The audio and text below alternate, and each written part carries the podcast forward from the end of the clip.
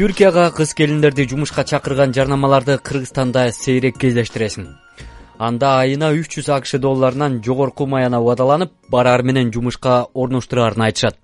Бирок жарнамалардын көпчүлүгүндө байланыш телефондору жазыла бербейт ал эми жазылган учурда да байланышуу алар менен жеңил иш эмес.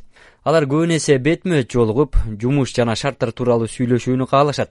Ошентсе да түркияга жумушка чакырып жаткан жергиликтүү фирмалардын бирине байланышып өзүбүздү жумуш издөөчү адам катары таанышып баарлаштык. Болот болот э болот эмнеге болбойт. эмне жумуштарды негизи мындай предлагать этесиздер отелдеги жумуштар да көбүнчөсү эле отелде жана официант ресепшн там уборка жагын караган ушундай бүт жумуштар бар. Э, алты ай иштейсиздер майда кетип кайрадан ноябрда келесиңер. Жатаканасы тамак ашы бекер берилет отель берет полный зарплата аласыңар ошо менен гана иштейсиңер а документтер керекпи? Кандай азыр пока документтер кереги жок регистрация кылганга регистрацияга жөн силердин паспортуңар керек загранпаспорт айди картаңар анан беш алты форматындагы төрт сүрөт анан бир сүрөт полный рост бой сүрөттүкү. Ошону алып келип анан беш жүз сом алып келсеңер регистрация кылып. А могу түрк тилин кандай кылышыбыз керек? Биз эми түрк тилин кереги деле жок бирок өзүңөргө жакшы билип алсаңарчы эгер түрк тилин билбесеңер анда уборка жагын иштесеңер болот ага тилдин кереги жок. Ал деле зарплатасы ошондой болот баарыныкы эле бирдей зарплатасы. Кыргызстандын миграция кызматы болгону он төрт фирмага гана түркияга жумушка орноштурууга лицензия берген. Ал эми өлкөдө түркияга жумушка орноштургусу келген фирмалар ого эле көп. Дал ушундай көмүскө фирмалар аркылуу бөтөн өлкөгө барып алып ара жолдо калган мекендештер жүздөп саналат. Жана алардын көпчүлүгү аялдар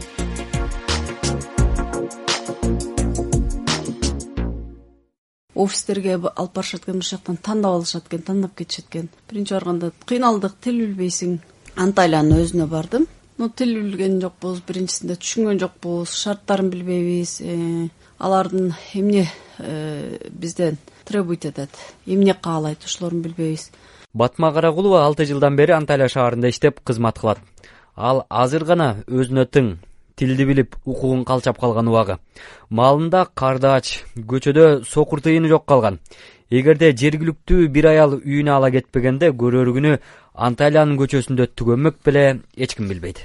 Э, мен биринчи күнү ошол офиске жумуш караштырып бардым. Ал жерден майрам күнгө туш келип калып бир эки күн күтүп тур деди. Анан ошол күнү жата турган жер жок бияктан алып барган келин көчөгө тыштап коюптур көчөдө калдым. Кеч киргенге чейин үй таппай тааныбан эле бир түрк аял мугалим экен ушул аябай түшүнүктүү жакшы аял экен.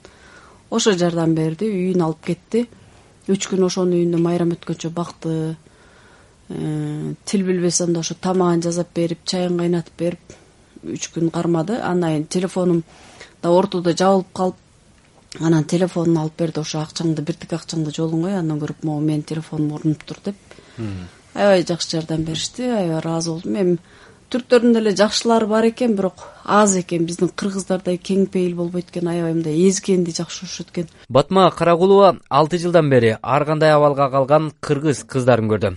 Кээ бир кыздар билип туруп сойкулук жол менен акча табууга барса айрымдары алдамчылык жол менен сексуалдык кулчулукка кабылат андай учурда да качып кутулгандар саналуу гана болбосо калгандары уур токмокко кабылаарын айтат. Өкүнүчтүүсү кыргыз кыздарын алдамчылык жолго түрткөндөрдүн артында кыргыздар өздөрү эле турат. Мен ошол жакта жүрүп кыргыздардын ким экенин үйрөндүм десем болот. Алдангандар кандай эми? Алар э, мисалы үчүн барышат кээ бирөө жакшы ой менен баргандар да болот. Жакшы ой менен барган менен ал кыздар токтоло элек баягы турмушту көрө элек кагылып согула элек но аларды жанагы турмушту көргөн эле келиндер килейген эле апасындай болгон ушу биздин эжелерибиздей болгон эле кыргыздын аялдары ошолорго туура жол көргөзгөн ордуна келип туруп алдап акча үчүн биякта жумуш таап беребиз келгиле ой шумдук деп чакырып алышып анан аларды жана түрк эркектерине салып берип өзүлөрүнүн кызыкчылыгы үчүн сатып. Анан кыздар деген бир эметкенден кийин кээ бирөө ошол жолго түшүп кетет экен кээ бирөө кайра артка тартып кыргызстанга кыйналып кеткендери бар качпай калсачы мисалы үчүн ушул уур токмокко кабылып ошол жакта уур токмокко кабылып жанагынтип өлтүрүп кетип аткандары бар.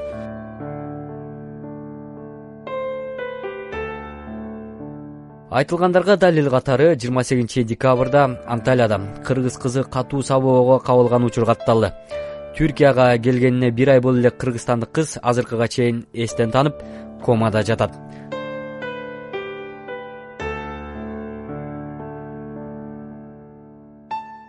ден соолугунда э, жылыштар бар буюрса бүгүн дагы врач сүйүнүчтүү кабар айтты однако э, көйгөй дагы бар. Э, бир жактаралуу кыймылдабайт пока кыймыл келе элек бир жактаралуу кыймылга келип калды. Өзүнүн акырындан келип атат. Сүйлөшө турган акыбалга келе элек азырынча. Биз баягы көзү тунарып жансыз болуп сүйлөйм деп аракеттенгенде оозунан көбүк чыгып кетчү. Ошол ошол кризисный эмеден өтүп көзү жанданып калганына эле сүйүнүп атабыз. биз эки түрк жараны кармалган бул иш боюнча.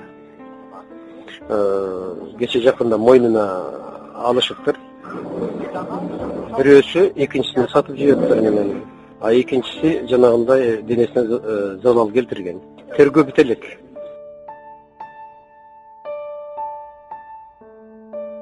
биздин жарандарга түркияда расмий иштөө үчүн виза алуу оор болгондуктан кыз келиндердин басымдуусу түрктөрдүн үйлөрүнөн чыкпай иштеп акча табышат ошентсе да картаң кезек же жаш балдарды кароого келгенде кыргыз кыздарынын эмгегине суроо талап жогору экенин. Миграция жаатындагы түркиялык эксперт мурат шахин айтууда bize gelenlerin otellerde yazın çalışanlar çok e, ve evde çalışanlar çok e, bu anlamda. Ama diğer anlamda da türk halkı bara bara картайып баратат колунда бар иштерман жаштар ата энелерин кароого убактылары жок андыктан чет өлкөлүк мигранттарды иштетишет мисалы чоң шаарларда доктур мугалим инженер болуп иштегендердин убактысы да болбойт каралашканга.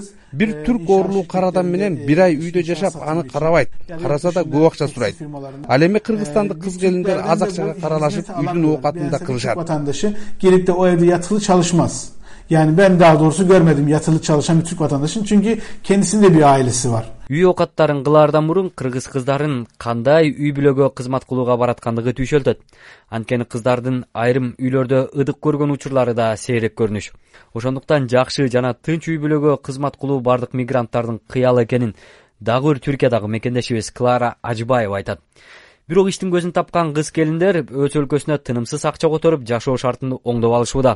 Кыздарга жумуш таап берген түркиядагы ортомчу асыл айымдын айтуусунда кыргызстандык кыздар үй оокатын кылып жатып алды миң долларга чейин айлык акы алган учурлары бар. Булардын алган зарплатасы бир миң жети жүздөн баштап алышат. Эки миң лира алган кыздар бар үч миң лира алган кыздар бар. Келишет анан кыздар менен биринчи неметип алышат сүйлөшүп алышат. Биринчи зарплатасын алышат аларчы жакшы үй бүлөлөргө туш келгендер бар жаман үй бүлөлөргө туш келгендер бар. Анан үй бүлөлөр менен неметип э, сүйлөшүп алышпасам дейт эми келише албай калышты. Кыздар сразу нуртен ханымга звонить этет нуртен ханым барып алып келет. Кайра жаңы жумуш тапкычак да ошо э, немедеги офистин маңдайына квартира снимать этиптен ошол жакка туруп турушат. Продуктысын алып берет нуртен ханым прямо жумушка киргизгичи кадимкидей карап турат кыздаргачы асыл айымды өкүндүргөнү кийинки учурда кыргызстандан келген жаш муундун өкүлдөрү жалкоо келип жеңил жол менен акча табууну адатка айлантып баратышат бул үчүн жаштар бөлөк үй бүлөнү бузуп үй жайлуу эркектер менен баш кошуп алууну каалагандардын саны арбыды мындай аракеттердин айынан депортацияга туш болгон кыздар да бар. Мисалы үчүн мен өзүм эле көзүм менен көрүп кепил болдум да. Э, биз жакшынакай эле офис бар. Ошол жактан эки кыз келди. Эки жума өтпөй эле баягылар ызы болуп келип калышты. Анан биз эмне болду деп таң калып чыксак ошол жапжаш эле кыз тиги аялдын барары менен бир жумадан эле ошо күйөөсү келип турат экен кызына келгенде баягы аялдын күйөөсү менен дос болуп ошо атасындай болгон эле киши менен жүрүп алыптыр. Анан аны аял көрүп ызаланып ошол жерден кызды полиске полицейскийге беремин мен сени э, эме кылам жалоб заявление жасадым деп арызданам деп. Анан кызды баягы жерден полицейский чакырып салып беришип ошол жерден бирөө эмес берки кыз барбаптыр конечно ага бирок э, ал да менин жолдошумдун досу менен жүрүп алды ал дагы семья бузду деп экөөнү бирдей депорт кылышты.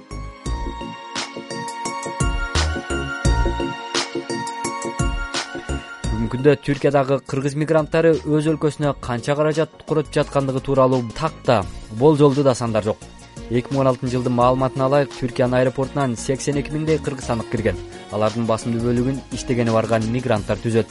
Ал эми кыргызстандын миграция кызматы он төрт миң жаран түркияда ар тармакта иштеп жүргөнүн билдиришти.